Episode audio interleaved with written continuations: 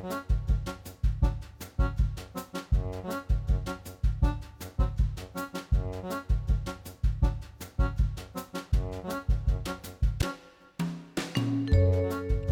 og sæl og velkomin í mannlega þáttin.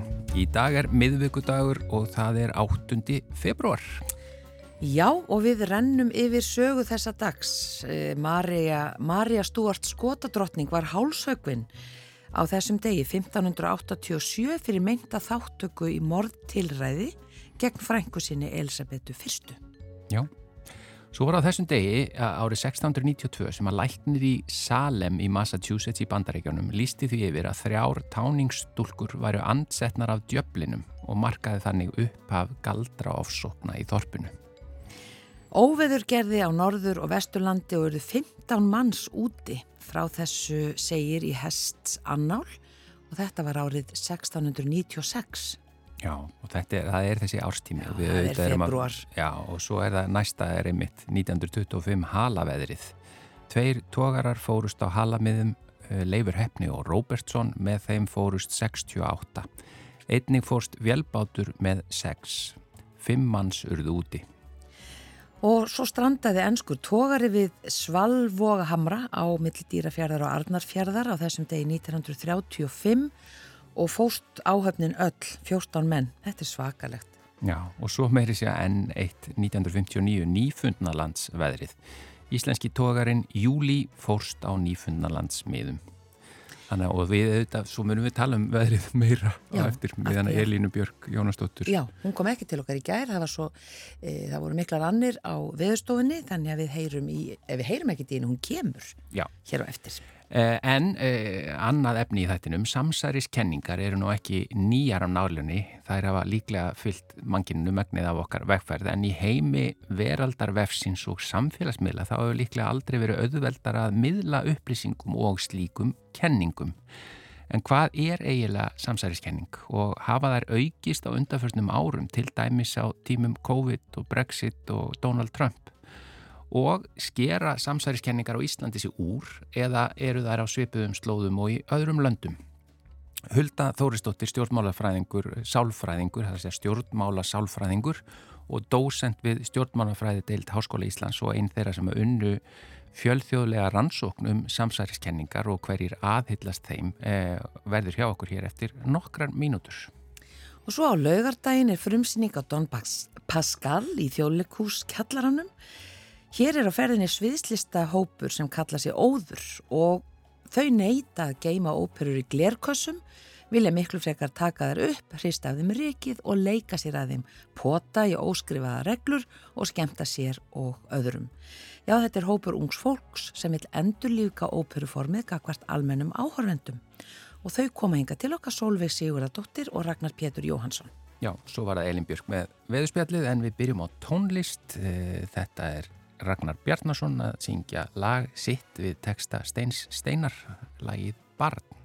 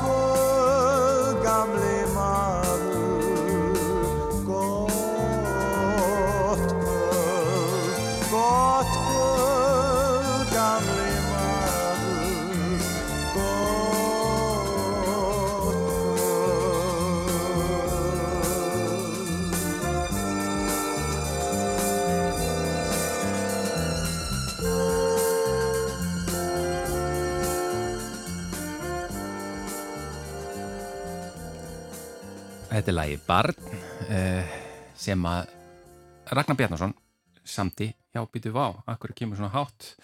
Ef ekki bara lækka hérna, þarna kom þetta? Það heyrði svo hátt í heyrnatólum hér einhver staðar, þannig að blæðir í Þetta hefur við aldrei lent í áður. Þarna, já, viltu gera svo vel að setja þetta bara undir borð, takk. Takk fyrir, vá, þetta er skrítið Þarna fengum við það sem heitir á fínu, fínu útvarsmáli feedback. Er það tilviljun eða þetta sé samsæri, Hulda? Já, enga tilílanir. Engar tilvilanir. Hingaði komin Hulda Þórisdóttir. Hún er eh, stjórnmálasálfræðingur og dósent við stjórnmálafræði deilt Háskóla Íslands.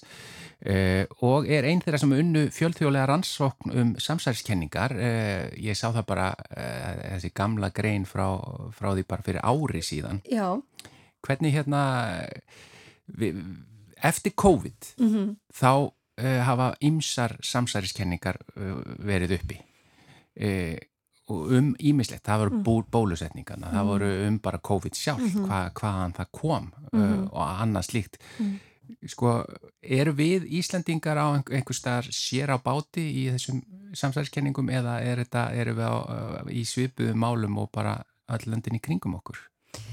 sko, hm, uh, það er náttúrulega ekki mikið til að íslenskum rannsóknum um, um samsæriskenningar eða tíðinni þess að trúa á samsæriskenningar en það er svona ímislegt sem bendir til þess að við uh, eins og til dæmis svona rannsóknir sem hafa verið gerðar í tengslu með COVID að það sé munum færri á Íslandi sem trúa ýmsum samsæriskenningum og svona ráng upplýsingum tengdum COVID heldur en við sjáum í löndunum í kringum okkur. Já, og sem byrtist meðal annars í mjög háu bólusetningar hlutfalli hér á landi og sömulegis bara niðurstuður úr skonakonunum þar sem er fólk er spurt út í hvort að telur eitthvað fót fyrir hugmyndum eins og til dæmis að COVID-vírusin hafi verið búin til vísvindandi í, já, í, mist, kín, já, í kínveskri rannsóknastofu með það fyrir augum að, að skada fólk á Vesturlöndum uh, að vírusnum hafi verið dreift með 5G möstrum. Þetta er svona vírusin sjálfan og svo eru alls konar, uh, eins og þú nefnir, alls konar samsæriskenningar náttúrulega um bara bólusetningarnar. já, En já, almennt mælist mjög látrú, lítiltrú á Íslandi á Íslandi á þessar samsæriskenningar en við eigum eldri mælingar. Það sem við vorum að frá árinu 2017 Mm.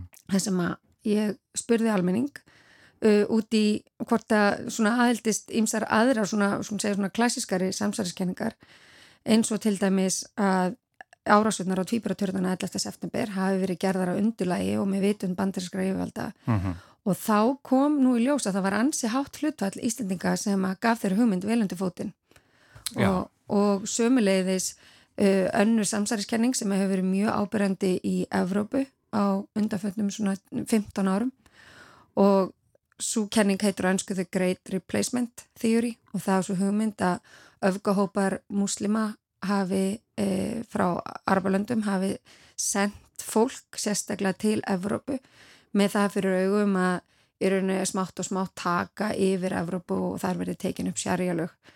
Og, og, og, og sömulegis inn í þetta spilur hugmyndum að, að múslimar séu vísvindar en að fjölga sér miklu miklu hraðar heldur en Evrópubúar og smátt og smátt útrýma þeim.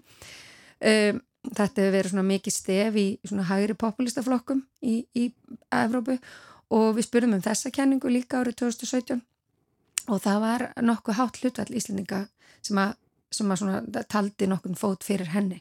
Já, sko bara, ef við tökum aðeins bara samsæriskenningar á þess að taka neina sérstaka Já, Er eitthvað, þekkið þú til þess, er, ég meina, er eitthvað meira að því að nú auðvitað á tímum internetsins, mm -hmm. þar sem er þetta að skoða hvað e, upplýsingar sem er nánast mm -hmm. hvena sem er og deila þeim mm -hmm. á mhm. samfélagsmiðlum og annað. Eru við, eru við að, eru núna eitthvað hámark samsæriskenninga bara í sögu mannkinsins eða eitthvað slíkt? Nei, það er, það er ekkert sem bendir til þess. Það eru enga rannsóknir sem bendir til þess að fjöldi þeirra sem trúi samsæriskenningum hafi aukist á undarföndum árum. Mm -hmm. Við eigum kannski ekki til mjög áræðanlega vegna þess að það er til fyrir bara örfa ám árum. Þá þótti nú svona frekar léttvægt að vera stúdira samsæriskenningar. Það þótti svona eitthvað krútlegt akademist aðhafið sem að fólk að leift sér á stunda en væri nú kannski ekki eitthvað sem væri eitt af þessu mikilvægu málum til þess að rannsaka. Það eru þetta snarbreyst. Byrjaði að breytast með Brexit, Trump, QAnon og, og síðan heldur betur með COVID. Þannig að bara einfallega vegna þess að þetta var ekki svo mikið rannsaka, eigum ekki til uh, svona spurningakönnargögn mjög langt eftir í tíma, en við eigum þó eitthvað smá og, og það, það er auðvitað ekki hægt að mæla hversu fólk mikið trúði samsæðiskenningum um COVID fyrir tíu árum síðan og í dag, vegna þess að þá var COVID ekki til já, já. Uh, en það er þetta að spyrja um aðra kenningar og nei, það er ekkert sem bendir til þess og það er meirins að rannsóknum frá Þýskalandi sem gefur til kynna að í rauninni hafi mögulega samsæðis, trú og samsæðiskenningar dreyist saman á meðan COVID-faraldurinn reyði yfir. Já. En það eru auðvitað ekki það sama á hversu sínilega kenningarnar eru. Nei, nákvæmlega, því og, við sjáum þar kannski bara meira. Já, við sjáum þar meira að það greip um sig svona mikill ótti, svona samsælskenninga ótti leiði mér að fullira það í, í, í fjölmjölum og, og, og hjá ímsum yfirvöldum og það var mikið talað um þetta í tengslu með COVID. Enda það sem náttúrulega gerist núna var að sko það að fólk kannski hafi haft allskinn samsæriskenningar í gegnum tíðina um, um tunglendinguna, dauðadínu, prinsessu, jafnvel að jörðin sé flöt eða og svo framvegs, það hefur kannski ekki haft sko neina beinar sko aðgerðir eða afleðingar, fólk Já. bara trúir þessu og, og það er kannski ekki fundið hjá sín en að ríka þörf til þess að reyna að sannfæra aðra eða, eða svona það byrtist ekki neitt hegðun endilega, Já. en náttúrulega með samsæriskenningar tengt á COVID, þá byrtist þetta í hegðun um, neyta að láta að bólusetja sig eða taka þátt í sóttunaraðgerðum eða, eða not... spila beint inn í bara pólitískar uh, og stjórnmálin og kostningar Já. og annað slíkt og kostningaúslitt Algjörlega, þannig að fólk var mjög upptikið að því að, að reyna þá kannski sannfæra aðra og bara hérna opnið augun, sjáu ekki hvað er í gangi og að þetta er eitthvað sem við vorum öll að gangi gegnum á sama tíma mm -hmm. auðvitað við einhverju hugmyndu sem við hugmynd tunglendinguna þannig að Eh, þannig að það eru þau sínilegri og höfðu mögulega meiri áhrifamátt vegna þess sem að öll samfélag var að gangi gegnum á sama tíma. En sko, eh, því, þar sem þú hefur verið að rannsaka þetta, mm -hmm. en svo hefur, hefur það rannsaka líka, þú veist, hverjir eru það sem að aðhyllast, er, er hægt að segja einhvað slíkt hérna, sem að aðhyllast frekar að svona samsarskenningum en aðrir? Um, já, það er hægt að segja svo litið. Um, bæði út frá svona sálfræðlegum þáttum og, og svona félagslegum þáttum. Um, við vitum að sko til dæmis í mörgum löndum er það gerna fólk sem að upplifi sig á einhvern nátt svona jáðarsett fólk sem hafa upplifir að það hafi farið illa út úr samskiptum sínum við yfirvöldi gegnum tíðina. Til dæmis í bandaríkjunum eh, þekta í gegnum tíðina hafa svartir frekar trúa samsæriskenningum heldur en hvítir sem er náttúrulega mjög skiljanlegt í ljósi samskipta svartra, sögulegra samskipta svartra og, og samtímalegra við, við yfirvöldi í bandaríkjunum. En þetta gildi líka bara um einstakling sem upplifir kannski hann hafi verið hlunfaren kannski af, af lækna samfélaginu, farið illa út úr því eða, eða bara af einhverjum sálfræðilegum ástæðum, það er kannski ekki raunveruleg, uh, raunveruleikin í rauninni, hann verið afskiptur.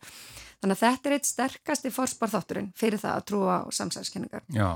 Og við sjáum lítinn kynjamun, það er kannski aðeins ólitt hvaða samsæðiskenningum karlar og konu trúa, en svona heldina ekki mikill, ekki mikill kynjamunur. Um, við sjáum reyndar svolítið sterkan mun eftir mentun, eftir því sem fólk hefur meiri formlega mentun, lengri skólagöngu því ólíklegra er það til þess að trúa samsarskenningum og það getur tengst bæði eitthvað skonar getur til upplýsingarlæsis og rína í vísindagögn og svo framvegis. Það getur líka þýtt að já, þú stendur um kannski nær valdinu og ert ólíklegra til að vera upplifað svona jáðarsettan eftir því með meiri mentun. Já. Þetta er til dæmis mjög lítið tengt greint að maður reynir að aðskilja náttúrulega mentun og greint sem eru auðvitað vel hægt að gera Já. og og þetta er ekki fluggáfa fólk aðeins samsæriskenningar og, og öfugt. Já, þetta er sko uh, merkilegt ég hef bara verið að skoða þetta svolítið mm. í, í kringum mig og þetta með að það er oft fótur fyrir mm -hmm. uh, veist, það er alveg eðlilegt eins og segir að, að vissir hópar og jafnvel bara margir uh, sem er vantraust gagvart yfirvöldum mm -hmm. að mhm. yfirvöld hafa mjög oft ekki sagt rétt frá mm -hmm. og annars líkt uh, eh, livjafyrirtæki, þau hafa nú heldur betur orðið uppvísa mhm. því að segja ekki rétt frá mhm. og, og að jafnvel sko þvert á móti mm. og hérna og, og alveg stó, ég menna bara síðasta haust var svo vinsalt hérna þessi sjómaserja Dópsik um allan ópíóða faraldurinn Akkurat. og hvað stóri lífið fyrirtæki gerðu þar ja. þannig að maður skilur vantröstið mm -hmm. en svo er svona næsta stig þar að þetta að sko þessi stóru stóru samsærismála að það sé bara einhverjar fjölskyldur eh, valdamiklar sem eru bara hreinlega að reyna að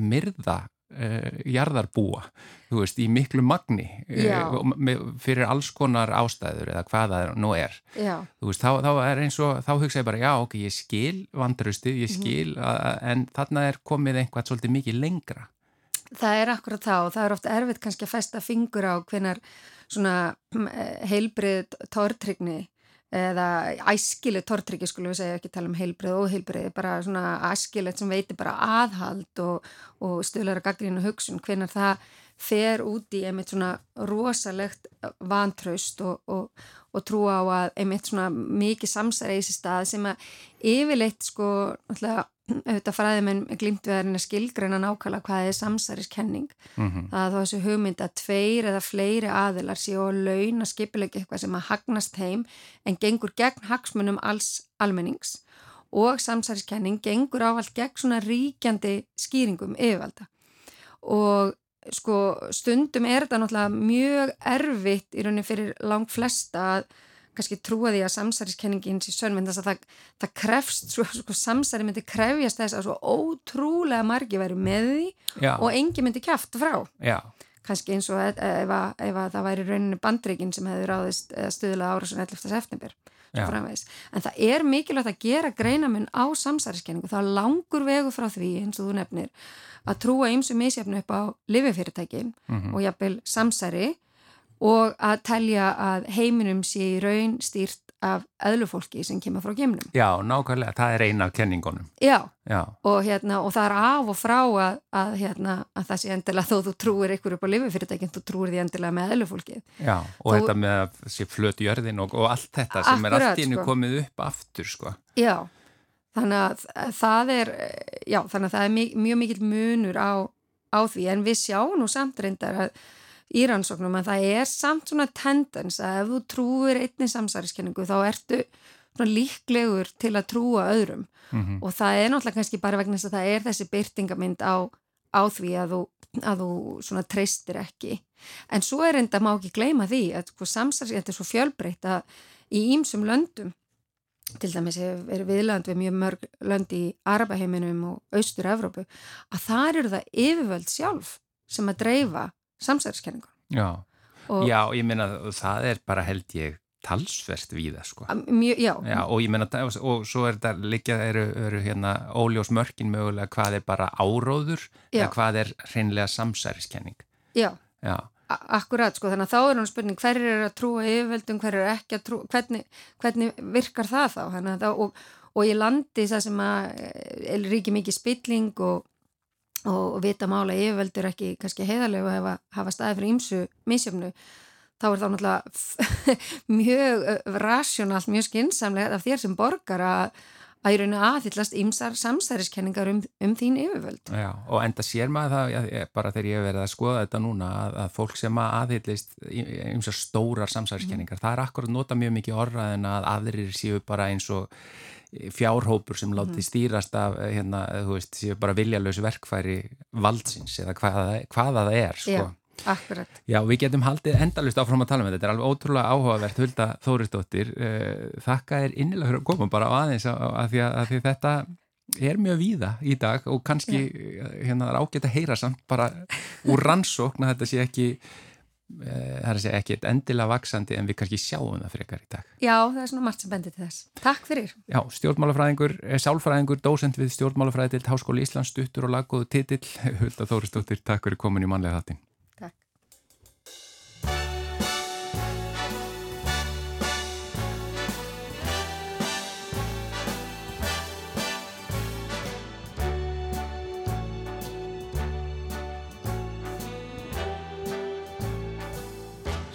Start spreading the news. I'm leaving today.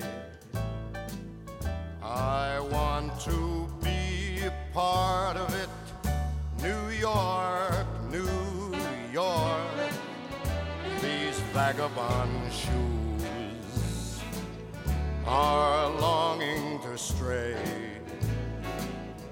right through the very heart of it. New York, New York. I want to wake up in a city that doesn't sleep and find I'm king of the hill, top of the heap. These little town blues melting away.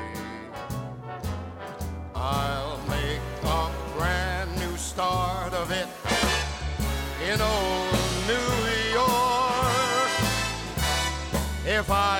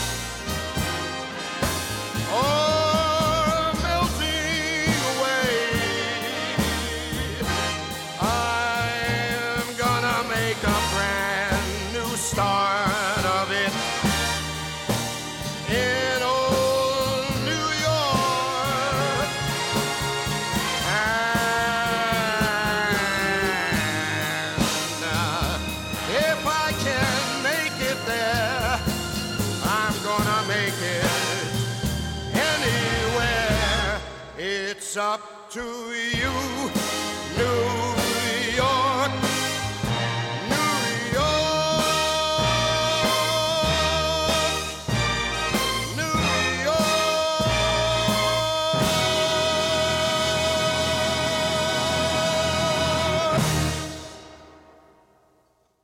Já, þetta var Frank Sinatra uh, og lægi New York, New York. Við fluttum nú bara að vinna hérna í gæra að það er að við erum að tala um það sem hefur gerst á þessum degi að á þessum degi einhvern tíma 1971 held ég að þetta lag verið valið uh, formlegt lag New York borgar. Já, það var akkurat í gær. Já, uh, og þetta er eftir John Kander og Fred Epp. Já, en við sögum hér upphafi frá þessari síningu e, í þjólikúskjallaranum. Við tölum um sem sagt Don e, Pascal, held ég við höfum bæði sagt kunni, en þetta er Don Pasquale. Æjæ, en svona er bara lífið, við erum ekki alveg kannski á kafi í þessu, en þetta, þetta er sviðslistahópurinn Óður sem, já, neytar að geima óperur í glerkössum, þau vilja bara taka þar upp, hristaði með rikið og leika sér að þeim og uh, hópur ungs fólks sem vil endurlífka óperuformið, svona gagvart almennum áhorfendum og eru, eru sem sé komin með þetta í þjóðleikuskjallaran. Solveig Siguradóttir og Ragnar Pétur Jóhansson eru komin yngar. Velkomin. Takk. Takk fyrir. E, e, og, Don Pasquale, hva, hérna, hvernig ópera er þetta? Þetta er gaman ópera Já. eftir Donizetti. Um, hún er, hvað er hún, næstu því 200 ára gömul? Já, næstu í 200 ára. Já. Þannig að þetta er svona að þú vilt heyra 200 ára gamlan- brandara. Já. En þetta er algjört uh, mistarastykki hans Donizetti og hann sem hann nær einhvern veginn að, að skapa bara einhvern veginn ótrúlegt listverk. Var þetta ekki eitt af þessu síðasta sem hann Þetta, já, þetta er eina en- síðust óperum hans. Já, eina Já. síðust óperum hans og hann satti fyllt, fyllt á óperum og, og þetta er bara, eins og ég segi, þetta er magna, magna stykki af, af mögnuðum listamanni. Já, og ég verð að spyrja því að maður hugsa með sér ópera í þjóðlíkuskjallarnu, það getur ekki verið góður hljóðvistar eða svona góður hljómur en það er bara ekki alveg rétt hjá mér. Ég, það er bara merkilega góður hljómburður í þjóðleikusskjallarinu sko. Mhm. hann er svo lítið breytilegur eftir hvað er margt fólk, margt fólk í salnum en, en hann er bara fín, það er bara þægilegt að syngja þarna og við náttúrulega erum líka orðin vönði við erum búin að, við settum upp síningu þar í, í fyrra Já, við erum búin að fá smá reynslu, við settum upp að náðum að setja upp tíu síningar af ástadreiknum, þannig að við erum fann að þekkja þetta rýmur og svo vel, en þetta er ekki bara sko að það er svo skemmtilegt við þetta rými að mann finnst sama hversu hátt eða látt maður syngur, þá heyrist þú svo vel í manni, sama hvað maður er í rýminu. Já, það þarf líka- ekki að magna upp rættina. Nei, það er ekkert að gera það. maður hefur rosalega gott Já, já. samband við áhorfendur þó maður syngi alveg sko, alveg ofbóðslega veikt Það er ekki bara það sem er svo skemmtilegt að heyra af fólki og þetta er mín einn reynsla, ég er náttúrulega búin að horfa og hlusta á þau syngja í þessu rými ótrúlega mikið. Maður er alveg ofan í söngurunum og tónlistinni og þetta er, mér finnst það alveg vera svona, ef ég er að tala um mína upplöfuna að heyra fólk syngja í þessu rými og þessum hérta af öðrum, alveg svona uník reynsla að upplifa tónlist svona, að bara mjög sterk og góð, sko. Já, og þetta er ekki bara þið, hann er líka með okkur hann Áslagur Ingvarsson Já. og fleiri. Já, uh, Þóraldur Eður Helgason, tenor og uh, uh, Sigurður Helgi sem að spila með okkur á piano mm, og svo erum við með leikstjóra sem heitir Tómas Helgi Baldursson. Mm, Já, og svo er svona fleira fólk sem er að koma að þessu. Þetta er, hefur svona, svona smám saman. fjölskyldan. Já, Já. fjölskyldan að stekka sko. Og það, sem sagt, þetta er á íslensku og þú Sólveig, þú hefur gert nýja íslenska þýðingu. Já, en það er til ein gömul en þið, já, sko þið fundu þann ekki. sko Don Pasquale var sett upp í þjóðleikúsinu í 1960 Já. og þá þýtti Egil Bjarnason hana fyrir þjóðleikúsið að ég held um, en við höfum ekki fundið það handrit neinstadar, við höfum leitað svolítið að því. Það er ekki, er að mista kosti ekki til í safninu á þjóðleikúsinu og svona viðar þar sem við leituðum. En uh, eftir að hafa hlustað á það er til nokkri kaplar á upptökum og svo fundum við einn ka- kórkapla í hérna í safnunni á Íslensku óperunni. En Já. eftir að hafa skoðað þá þá svona hugsaðum við, já, það er kannski bara betra að, að uppfæra þetta fyrir nútíma áhorfendur þannig að fólk skilji nú örgla það er ekki alveg eins hvernig við tölum núna eins og árið 1960 sko. Nei, og húmórin kannski aðeins líka breyst. Já, kannski smá svona aðalega hvernig maður orðar hlutina og hvað, hvað telst óformlegt og hvað telst formlegt og svona þannig að þá ákváðum við bara að, að þýða þetta upp á nýtt. Já, og þú gerði það. Ég gerði það, já. En við, við Gunnar við fundum smá bút hérna í safni e, útvarpsins og þar eru þau að syngja Þurriður Pálsdóttir og Guðmundur Jónsson og þetta er upptaka frá 1961, það er útvarpshljómsveitin sem spilar með, við skulum bara heyra smá brot.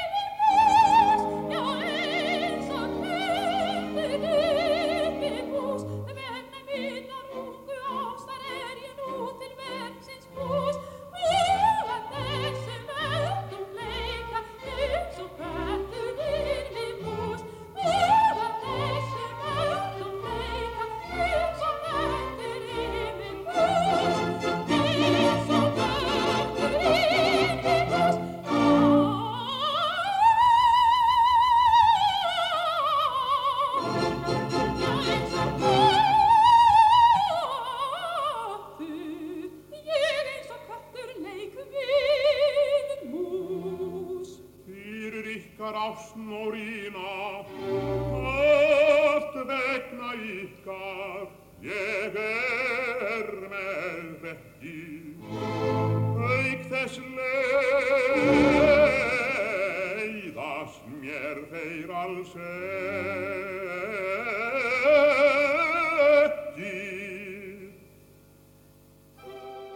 Já, þetta voru þau Þurriður Siguradóttir, nei Þurriður Pálsdóttir auðvitað og hérna Guðmundur Jónsson í óperinu Don Pasquale sem var sett upp uh, 1961 eða þessu upptaka er síðan þá og þetta var útvarps uh, hljómsveitin sem lék. Hvernig var þetta að hlusta á þetta? Hérna, nú eru þið að syngja þetta alla daga. Mér finnst það bara, ég finnst aðeinslega skemmtilegt sko, en uh, ég er reyndar í svo mikill uh, aðdáðandi óperu, ég áðalega til að bara sama hvað ég hlusta af, af, af ykkurum að syngja sérstaklega á íslensku, er bara, þetta er gæðið, þetta er skemmtilegt. En, uh, en mér finnst þetta mjög gaman, ég er alltaf búin að heyra þetta svo oft núna hjá uh, Áslagi og Solveigu og uh, gaman að heyra þurriði og guðmund taka þetta. Ég hef hert þetta áður sko, ég bara, var bara samt svo spenntur að heyrist á þetta aftur eitthvað. Sérstaklega því núna erum við í frumsýningavikunni að núna er svona eitthvað við erum að nálgast þennan þar sem að, þú veist, sá partur af mínum lífi og persónleika sem þetta er mest í gangi sko þannig að já, það er rosa gaman að heyra Hver, hver er munurinn á því að því að svo, eins og þú segir, það er svo margar óperur sungnar á erlendum tungumálum. Hver er munurinn fyrir ykkur sem söngvara að, að, hérna, að syngja á íslenskunni óperur? Það er bara ekki takt að bera það saman þegar að fólk skilur hvert orð sem það segir. Já. Það, og svo- í gamanóperu þá er það bara alveg sérstaklega mikilvægt að því að tímasetningar skipta svo miklu máli. Ef að fólk er að sko fylgjast með því sem þú ert að gera á sviðinu og þar síðan að horfa burt til þess að sjá textan, þá er, eru viðbröðin alltaf á, á hérna, röngum tíma. Já. Og að finna það að maður, getur, hef, maður hefur miklu betna samband við áhorfundur þegar það skilur orðin, þegar það skilur hvað maður er að segja. Og það nærði strax, það þarf ekki að fara í gegnum einhvern svona þýðingafilter, það þarf ekki að svona einhvern veginn Já. púsla því saman. Hvað með svona sérhljóðuna? Nú er nú ekki sama hvar þeir lenda. Nei, nei. Er það ekkit svona snúnara með íslenskuna? Já, sko, íslenskan er bara aðalega öðruvísi og maður þarf bara að kunna það, en svo líka þegar ég var að þýða þá reyndi ég að láta sérhljóðan að passa aðeins við, sko, það sem það var í ítölsku þannig að það kæmi svona svipaður litur á það. Einmitt, ég er mikið talsmaður fyrir þessu sko að, að fýðingin er, með, er ótrúlega skemmtileg og minnst hún vera með, með nær alveg húmórnum af síningunni en það sem er svo, svo gott við þessa þýðingu er að þú sem söngveri þýttir hana að hugsa um sérhljóðana á þennan máta. Að þess vegna er hún svo söngvæn sko. Já, það skiptir máli hvar þeir lenda Já, en að syngja á íslensku það er svo miklu öðuldara fyrst mér að, að vera sko sannur í leiknum og maður getur svo miklu fyrr orðið það sko. Mm. þú veit að það er ekki ennþá þessi, þessi múr sko jafnveitum maður kunni málið. Já, en að tala á móðumálinu og tala málið sem maður veit að allir skilja þú veist og þá ekkert einn sník að fatta maður stundum stundum ef maður að segja eitthvað þú veist á tísku eða ítalsku eða eitthvað og stundum fatta maður hvað það getur verið bara skrítið að segja þetta svona Já. skilur en þú hefur fattað það strax sem þú heyra á íslenskunni. Nei ekki, hverju segir þetta svona? En um hvað er hún? Bara svona svo við endum á því, svo að fólk fána aðeins að vita svona sögutræðan, þetta er gaman ópera. Já, þetta er gaman ópera. Þetta Já. er um, um gamlan kall sem að e, e, vill stjórna því hver, hverjum hérna ungur frændi hans og erfingi giftist. Já, En ungi frændin er ástfangin af konu sem að, sem að gamla kallinum finnst alls ekki nógu góð fyrir hann og, hérna, og þau ásamt lækninum hans, gamla kallsins, uh, platan til þess að, já, hvað sé ég, þau setja á svið gerfi brúðkaup til þess að fá gamla kallin til þess að skipta um skoðun. Þetta er svolítið svona skrítið plan. já, Já. En, en þetta er þeir eru sem sagt ekki að færa þetta til nútímans eða neitt, þetta er bara í... Nei, við erum ekkert að reyna, sko það er mjög erfitt að fara þegar það er verið að tala um, um sýstur sem alast upp í klaustri og þegar það er verið að tala um hérna, Já, já. erfingja og, og svoleiðis, það er mjög erfitt að færa það til nútímans þannig að það gangi upp en þetta er samt, við erum ekkert að segja, segja ykkur nákvæmlega á hvaða tíma þetta er að gerast sko. Já. Nei. Ef við færum sko andasýningarinnar í nútíman, Já. þannig að finnst það ekkit skipta öllu máli að við sko lítum út eins og nútíma fólk, en að það sé að personunnar í verkinu er ekkert að tengja við sem personur í, í okkar eigin lífi sko. já. Og það er alveg Já, okkar útgangspunktur er voðalega mikið að þetta er fólk Já. við þetta, er bara, þetta eru manneskjur og við erum að tólka manneskjur Já. sem eru að díla við alvöru tilfinningar og alvöru, mm. alvöru aðstæður sko. Á plakatinu þá er uh, myndarlegur svona löðrungur í gangi. Já. Eru, já, einhver löðrungar þannig? Já, það er bara beinlinni sér, við er gerum svona ákveði lofurum það með þessu plakati. Já. Þannig að, já, hann, uh, þetta er náttúrulega uh, þessi maður, gamli maður sem að ég leik, Don Pasquale, hann er svona svolítið fastur í sínu einu háttum og uh, með þessu sínu, þessu stóra plani, ná, þurfa þeir svolítið að, að, uh, að siðan til, Já, það þarf að hafa fyrir þessu sem Já. sagt. Já. Já. aðeins að hafa fyrir því. Já. Frumsýningin er á laugadaginn og uh, hvað klukkan átta bara? Já, í þjóðlikúskjallaranum, Don Pasquale og það er þessi sviðslista hópur Óður sem, sem flyttur og uh, bara kæra þakki fyrir komuna og ég segi bara tói tói eða pói pói, Já. eitthvað slíkt, Solveig Siguradóttir og Ragnar Pétur Jóhansson. Takk, takk. Takk hérlega fyrir.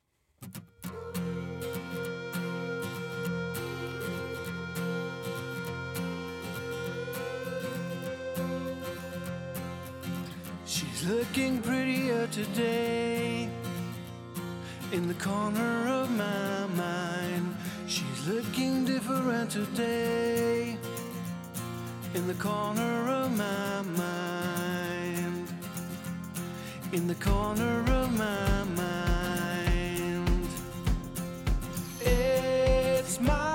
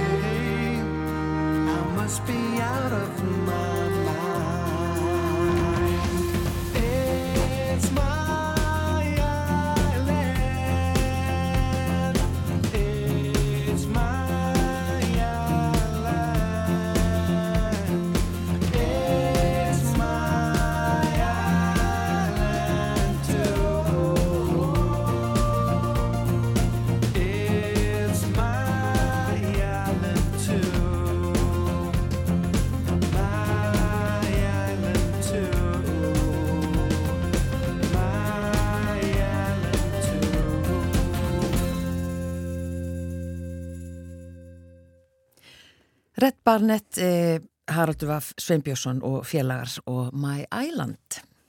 Já, uh, talandum á eiginu okkar, þá hefur nú heldur betur gengið yfir hana hver lagðin á fætur annari. Uh, Elin Björk Jónastóttir, velkomin í veðurspjallið. Takk fyrir. Það gekk mikið á í gær, þú komst ekki til okkar bara því það var svo margt í gangi og, og svo bara sló út allt ramagn hjá ykkur og ég veit ekki hvað og hvað. Já, þetta var æsi spennandi morgun á viðstofni. Já, Já, það var náttúrulega þetta veður sem að, sko, þessi lægð sem að kom hérna yfir í gær, hún var rosalega óvennileg og, svona pínu lítil og hérna svolítið snakkarræð og svolítið eins og einhver hafi kastað, sko, eða þú veist, slegið golfkúlu rosa hratt, hérna, hún var þannig bara í samhengi við allt sem er að gerast í kringum okkur, þá var hún pínu lítil, sko. lítil og hröð. Já, og snörp og, og kröpp og hérna og, og þá mitt var svona, hún, þetta er svona sprengilegð sem við skulum öllum að tala eins um eftir en, en hérna, en hún, já, leit rosalega illa út í spáma á, á sunnudaginn og við höfum miklar ágjur að þessu. Af því hún kemur líka svo rætt, hún er á 120 km hraða og það bætist sko hraðin á kerfinu við sko vindhraðan í kerfinu. Mm. þannig að, hérna, þannig að það þarf að huga því sko og hérna Býtu, nú let ég bara eins og ég skildi, ég er Já. ekki alveg viss. Nei, sko almennt sko þá bara tölum við um vindhraða í lægðum Já, já, já. og líkunnin bara spá einhverjum ákveðnum vindhraða í lægðum en svo, og því þær fara yfirleitt bara svona til hægt yfir, sko, þær eru kannski fara yfir landið á 12-15 tímum Mhm. þú veist, þessi á farin yfir landið á fjórum tímum eða fimm Já, það er og minna, merkilegt að íta eða þú veist á þarna veðpunkturis undir uh, viðvörunum. Já. Þá getur maður ítt svona á fengi klukkutíma og klukkutíma eða hvað er. já. Þarna sá maður þetta bara, hún einmitt bara flög yfir. Já, sko fyrstu viðvarinni tóku í gildi klukkan 6 í gerðmorgun og gengu úr gildi klukkan halv 2 á Östfjörðum. Það var síðasta spásvæði sem, að, Já. sem gekk í gildi, sko. Ég fór einmitt á fætu klukkan 6 af því ég var svo spennt Já, að fylgjast með. Já. Út í Ég glugga bara með kaffi. Já, já, ég var með kaffi Ég- og, Hérna, og það er alveg svona, já, þetta var alveg uh, svona milli 6 og 7 en Já. það var eins og það bara já, svo bara væri nánast búið eftir Já, það. og það var það. Og ég hérna hafði á orði þarna þegar við vorum að spáða þessum mánudaginn að sennilega yrði þetta þannig að svona hverjum stað, til dæmis á höfbrukarsvæðinu, yrði brjálað veður í svona 20 mínútur Mm.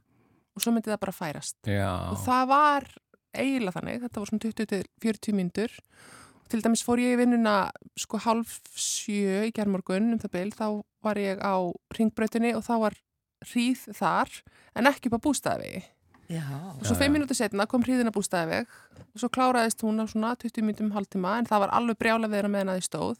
Svo heyrði við fregnir að brjálið veður í Moselsbænum sko 40-50 mínútum síðar og Moselsheiðinni Þetta er, Þetta sko, er þetta er líka bara, þetta vekur spurningu hjá mér að því sem ég svo oft spáði að, að maður, þú veist, það er þetta, á sumrin er alltaf að fylgjast með golfveðurinu og þá fer eftir, ég get valið bara sérstakann veist, það, það, væri alveg hægt að hafa sagt veðuspá fyrir bara hvert hverfi fyrir sig. Stundum sko, í Já. þessum tilfellum þá Já. hefur það kannski ha- haft eitthvað að segja en svona almennt er nú ekki svona mikil, mikil veð, veðrabriða milli hverfa sko, ekki svona yfirgengilega mikil Mm. Já. og að þú ert hérna hjá okkur, hvað er framöndan? ég, Já, það sem er framundan alltaf er bara meira meira, plata- lagð, já. meira af lagðum Nei, jú, jú, ein á föstudaginn og önnur lögadaginn og þriðja mándaginn og ég hef bara tekið það afstöðun og spá ég ekki meira en þrjára lagðir fram í tíma. Já, þá vil þá hef, heppilega til að kemur hann bara þrjáta í rauð. það, og svo kemur þriðvar þá getur við rætt framhaldið. Já, Já, já, vá, en byrju að því þetta eru svona... Föstudagur, laugu- laugardagur og Það er Er það. ekki samt svona snöggar? Nei, það, það eru nú svona hefðbundnari, hefðbundnari lagðir og, og koma svona með einmitt slitt og snjókomi og, og síðan slitt og regningu og jælegangi og svo aftur hlýjendum eða svona þessir, þessir Er, er, umhleypingar. þekkjur einhvern sem hefur gaman að þessu? Já, ég vinn með fullt af fólki sem hefur Já, gaman að ok, já, þessu. því þetta við... Ég hef gaman að þessu. Er það? Já, ef ég er ekki úti. Já, einmitt. Ég er gaman að fylgjast með út um, út um gluggan. Mér þetta alltaf svona smá ykkur hasar. Já, þetta er það sko. En þetta var nú fullmikill hasar fyrir okkar smekk þarna í gær. Bæði að því lagðin var svo snögg og, og var síbreytileg og við vorum bara alltaf að, alltaf að breyta spannu og alltaf einhvern veginn að reyna að líka sko koma fólki í skilningum sko óvissuna sem fylgir svona miklum sko svona snöggum veðrabreitingum Já, að þú veist við settum viðvarinir út til dæmis á Suðvesturhóttuna millir 6 og 9 og höfbrukarsvæðina millir 6 og 8 en við gátum eiginlega ekki, ekki sko sagt til meira, meira en það. Já. sko, þó að við vissum alveg að þetta myndi ekki standa allan, alla tvo tímana kannski í hverju hverfi fyrir sig. Mm. en óvissan var bara þannig að við gátum ekki, Já, ekki þá er svona aðtrygglisvert að benda fólki á það einmitt, að, að sko þegar það fer þarna inn í þarna litla uh, þarna kubbin á, Já. á hérna Einmitt, sem stendur veður og Já. síðan sér að það er appisinu gul og það er gul og það stendur meira mm þá fer maður þar inn og þá er þetta allt mjög skipulega sett fram Já. og tíminn líka og það Já. er ekki allir sem átti sig á því því Einmitt. halda þetta sér allur allir dagurinn dagurinn, já en þarna er alveg nákvæmlega satt uh, svona fyrir um hvernig þetta byrjar Já. og hvernig það og endar það er bæði hægt að skoða sko heldarkortið, viðvarankortið það er svona tíma ás fyrir neðan það og hann virkar mjög vel til dæmis í snjáltækjum það er þetta hreyfan bara með puttanum, það þarf ekki að hafa ágjör einhverjum örfum sem eru pínulillar mhm. og svo líka þetta bara smetla á sitt spásvæði og þá fær maður einmitt upp allar viðvaranir sem eru í gildi fyrir það spásvæði og tímasetningar og þær komir réttir í röð Já. Og hérna stundum er textin bara svona snöggur og, og hérna og ekki mjög yfirgripsmikill. Bara í gulri viðvörun þá kannski bara varaði við vindkviðum og lilegu skikningskárinningi en, en svona í starri veðrum að þá er kannski verið að vara við þú veist, fólk þarf að huga munum sínum utandira og passa svo Mm. leiðin til vinnu eitthvað Já, svona. bara En er- mjög vel gert hjá og okkur. þá þarf að íta bara meira og færi maður allan textan þá sér maður eiginlega bara nákvæmlega inn í sálarlíf veðurfræðingsins sem skrifaði viðvörunina skín það í gegn það er stundum sko en, en nú ætlum ég að nota myndlíkingu úr veðrinu, er ekki fóki í flest skjól ef að, hérna, rafmagni slær út hjá ykkur á veðustofunni? Var, var það Jú. út af, var þessi, eh, af, af, hvað gerðist? Ég kann ekki alveg að fann með það en það verður sem sagt einhver hérna, það kemur eitthvað högg á bara rafmagskerfi borgarinnar eða sem sagt á heimtauna hjá okkur Já, já, já. og það vill bara þannig til að það er bilun í kerfinu okkar eða sem sagt uppgötast að það er bilun í kerfinu okkar sem á að taka við og á að passa. Þegar þeir rafmagna þá taki sem sagt okkar rafkerfi við. Og hérna og þetta tók sko held í 14 millisekundur eða eitthvað. Já. en það var nóg til þess að kerfin okkar fóru svona hvert af öðru niður og það tók svolítið tíma að finna út úr því hvað gerðist. En það sem að var mjög gott var að ég syns að hérna, áttaði mig á þessu í áttafréttum af því að ég, ég syns að bara sló út sambandið við veðstofuna og á milli veðstofunar og, og efstæleitis. Ég var bara inn í klefa, inn í stúdíónu og, og hérna og heyri að það er eitthvað svona slitur átt að hugsa æ, nú hefur teknumæðurinn eitthvað, eitthvað klikkað þannig að ég heyri ekki hvað er verið að segja við mig. Og svo heyri ég bara svona setni hluta af spurningu frá Andra Yrkil á, á hérna, fréttastofni en vissi svo sem hvað hann ætlaði að spyrja mig um þannig ég gæti bara farið að svara. Svo heyri ég bara ekkert svo heyri ég bara, ég talaði örgla í mínútu sko, eftir að Rafmagni eftir að rafmagni farið- fór af sko. Já, eða sambandið slóð en hérna þannig að þá hérna fattaði ég ok, það er greinlega netlaust og það er svona eitthvað skrítið og við hérna uh, förum og, og svona bara ringjum út eins og við gerum bara, látum vita og, og hérna þetta er náttúrulega þannig að snemma til að mótni að, að það er í raun og veru ekki allir komnir að því þetta áttu almenni starfsmenn viðstofunar að býða með að fara í vinnun eftir að viðvörunin var gengjan gildi sko. Og svo bara komist að þess að þetta var nú svona meira en við hérna heldum en syns, við erum þó með þannig kerfi að við gátum haldið sko allir neða þjónustúti og flugveð þjónustu fyrir alþjóðaflugið og það var hægt að fylgjast enda með ofanflóðum og, og slíku að því við höfum varaliðir til þess þannig að þó að vefurinn hafi verið niðri að þá voru við ekki alveg blind sko já. Já, En, en sko, hérna, mikilvægt að það komi fram Já, e, þessi lag, þessi snarpa, Já. stutta, e, var það sprengilag?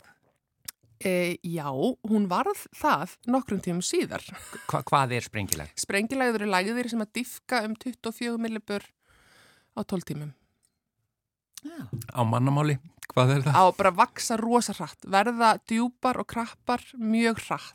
Já, Almennt er þessi dýfkunafasi að því við tölum um sko læðir sem eru dýpri er oftast með verra veður, Mhm. 940 milli bara læð og þá hugsa maður, ú, byttur nú við, nú þarf eitthvað að fara, þú veist, hafa ágjör á þessu. mm En ef hún er 990 millibur þá er það bara svona eitthvað sem að við erum svona výrið svolítið til þess að hafa ekki áhyggjur af því þetta er hérna, þetta með hvort að sko er sjómennir sem að voru að banka í barometið að vegnum heima hjá sér. Það voru þeir að fylgjast með hversu hratt loftrýstingurinn fellur Mm. eða stígur. Og ef loftrýstingurinn fellur hratt þá var semst að koma mjög vond veður. já, Og, það, og þetta gerir fólk enn þann dag í dag. Ég fæ alveg, alveg hérna, tilkynningunum það ég fólki, bara barometið hjá mér fellur með allaveg millibur hérna á stöðnum tíma. Hvað þýðir það? já. og það þýðir þetta, að það eru djúparlægðir eða síðist þá og hérna uh, þannig að það er stundum sko þetta er bara svona, þetta er bara uh, vísindarleg hérna uh, sem sagt Ná, orð, þetta er bara Já. vísindalegt orð og bara skilgreining á því hvað er að gerast í, í, í fasanum þegar lægðin er að myndast sko. Já, En svo sé ég svo svona, hérna fóru ameríski fjölmiðlar aðeins að nota þetta og bombing cyclone eitthvað. Og þetta eru svona skyndilega svolítið hérna fyrirsagnir, Já. sprengilagð á leiðinni, mikið talað um Mm. og án þess að fólk vissi nákvæmlega hvað það var, það hafa alveg komið sprengilagðir áður en, en við bara kannski vissum ekki af þessu orði sko, eða notuðum það ekki. og það, þannig að það þýðir þessi, þetta, þetta hraða, þessi hraðabreiting, Já. en það er engin, engin eh, veður sprenging eða neitt slíkt sem Ekkert fylgir. endilega sko, en Já. auðvitað er þetta oft svona kvellir sem að koma, svona, svona Mhm. veður koma með kvell og fara með, með daldum orforsi yfir landið Mhm. En þessi laði nefnilega, hún var ennþá í myndunafasa þegar hún kom til okkar og þess vegna var hún svona óútreiknanleg að okkur fannst.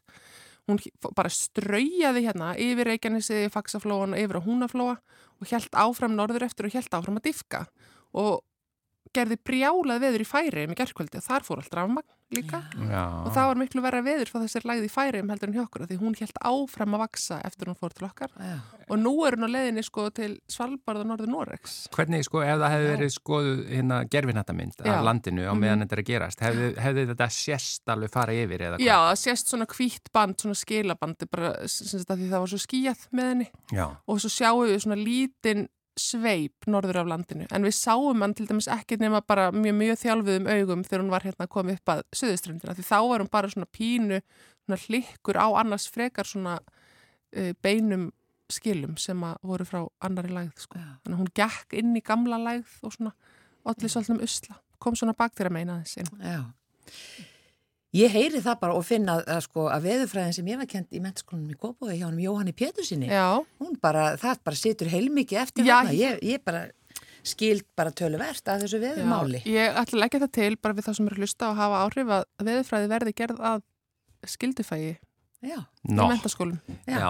Já, hún var kent allavega þarna. Ég veit að þetta var nefnilega einu sinni. Já, ég meina veðrið bara á þessu blessaða landi Nákvæmlega. skiptir okkur eh, mjög miklu máli og eins og þú hefur talað um þegar eru komið fram við ykkur eins og rockstjörnur og einhverju ráðstöfnum úti viðurfræðinga að það er náttúrulega skjótt skipast við í lofti hér. Já, það er nefnilega þannig. Já, Og talandi rockstjörnunda, sko, það var svo fyrir einu sinni verið komið fram með eins og kvikmyndastjörnu, sko.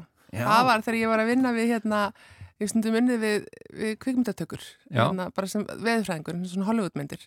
Og Ben Stiller var hérna að taka upp hérna Secret Life of Walter Mitty 2012 þegar fjárfællistormurinn var fyrir norðan.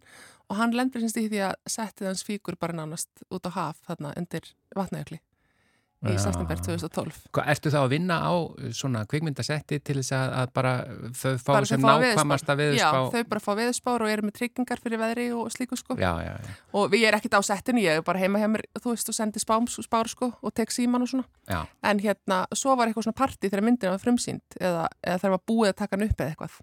Og það bara var farið með veðurfræðingarna, við vorum með það tvö. Það er bara, hér eru hérna aðaleikarar, hér eru leikstjórin og þannig eru veðurfræðingarnir. Ég hef aldrei upplefað annað þess. Já, Æðislegt. Þannig að þú hefur aðeins fengið smá Hollywood uh, Þetta var pínu ljóma. fyndið, sko, já. Já, gaman. Fólk hefur auðvitað áhugað þessu, hvernig var hérna, Game of Thrones eitthvað? já. Þrjár lægðir framundan Að minnstakosti. um herri, ó, að Að minnsta minnsta kosti. En þú varst búin að segja í byrjun februar, þá sagður þetta er út februar. Já, Þú sagðir það. ég sagði það. Þannig að Þú þetta er bara betur svona. slefti að segja það Við búum á Íslandi, við það erum ég bara... sagði við einhvern veginn í gær, það er bara þetta þre, þreja þorran. Já, Það er ég ástæða fyrir því að það hefur festst í, í málinu. Já, við erum stöðut að flytja einmitt fréttir að, eða hérna segja frá viðbörðum sem hafa gerst á þessum ástíðum sem er endalust eitthvað. Hala veðrið og ég veit ekki Jú, jú, hvað og hvað. já, það Það var sem við bara- komum inn á alls konar óveður. En kæra þakkir fyrir komuna Takk til okkar. Elin Björk uh, og þetta er bara þættir með lúki í dag. Já, þökkum samfélgina. Verið sæl